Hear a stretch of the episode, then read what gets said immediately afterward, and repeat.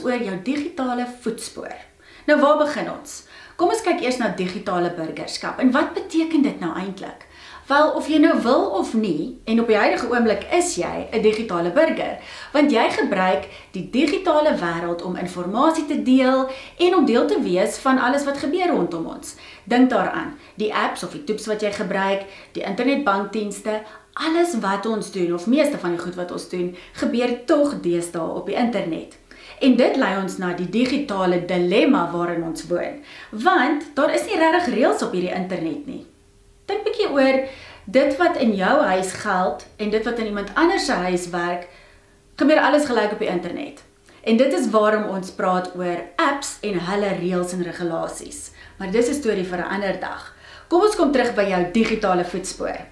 Jou digitale voetspoor word gevorm elke keer wanneer jy iets klik of like of stuur of forward, enige iets wat jy doen. Elke keer wat daai vinger van jou daai knoppie druk, is jy besig om nog 'n voetspoor in die kuberwêreld te neem. En dit word jou voetspoor genoem. En glo dit of jy wil of nie, jy kan gaan kyk hoe lyk dit. Nou wat is die groot probleem met dit? Wel, vir jong mense is dit van kritiese belang want dit kan hulle toekoms beïnvloed. Dink daaroor. Universiteit kan gaan navorsing doen en jou kind se naam gaan soek op Google en sien wat opkom. Nou daai sosiale netwerke en Instagram en al daai foto's wat hulle nou neem, kan hulle dalk later byt.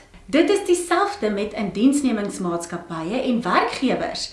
En natuurlik kan jy dink aan Ehm um, wel, as jy nou 'n oulike ou of meisie het, gaan hulle ook mos nou kyk wat jy aangevang het op die internet.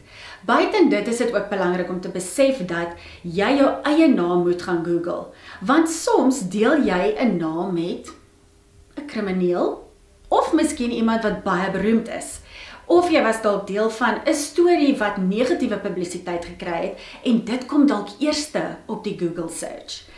Natuurlik is jou verhouding die belangrikste sodat hulle weet jy dra hulle belange op die hart. Dan is dit belangrik dat hulle weet dit gaan hulle toekoms beïnvloed en alles wat ons met hierdie vingerpunt doen kan jou moontlik in die hof laat beland. So ons moet baie baie fyn dink voordat ons net klik en ons digitale voetspore beïnvloed. En natuurlik is daar die feit dat paparazzi reg rondom ons beweeg. Ons is die paparazzi. Ons neem foto's en video's van ander en hulle doen dieselfde van ons. So, laat ons maar mooi dink voordat ons optree of voordat ons 'n foto neem of 'n video neem. Terloops, moenie dink jy kan net 'n uitveer vat en vinnig dit gaan uitvee wat jy aangevang het nie. Mm, -mm dit werk nie so nie. Jy het kenners en baie hulp nodig om dit reg te kry.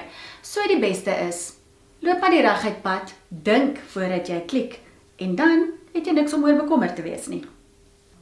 Geniet die kuberhoofweg, reis veilig en onthou, daar is 'n safety net.